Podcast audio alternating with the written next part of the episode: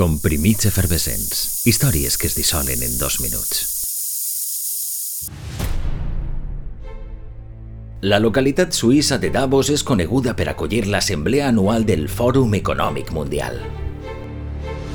Allí multimilionaris i poderosos miren d'arreglar el món però sense privar-se de res. No obstant, fa vora 30 anys Davos també va ser notícia per un altre assumpte. Un accident envoltat de polèmica per una imprudència i pels seus protagonistes. Un 10 de març, una llau matava un amic personal dels prínceps de Gales per esquiar per on no devien.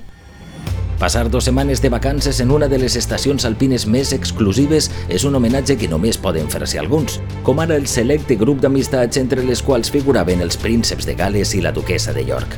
Tant Diana de Gales com Sarah Ferguson no estigueren presents en el succés, però sí l'hereu al tron d'Anglaterra.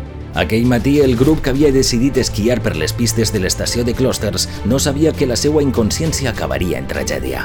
Foren advertits de la possibilitat d'allaus, però a pesar de tot, decidiren esquiar.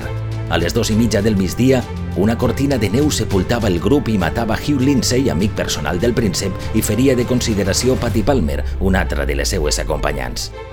El fill major d'Isabel II va eixir il·lès de l'accident però profundament commogut. Mesos després, un jutge consideraria tot el grup, aristocràcia inclosa, responsable de l'accident per practicar esquí en una zona perillosa i adequadament acotada aquell 10 de març de 1988.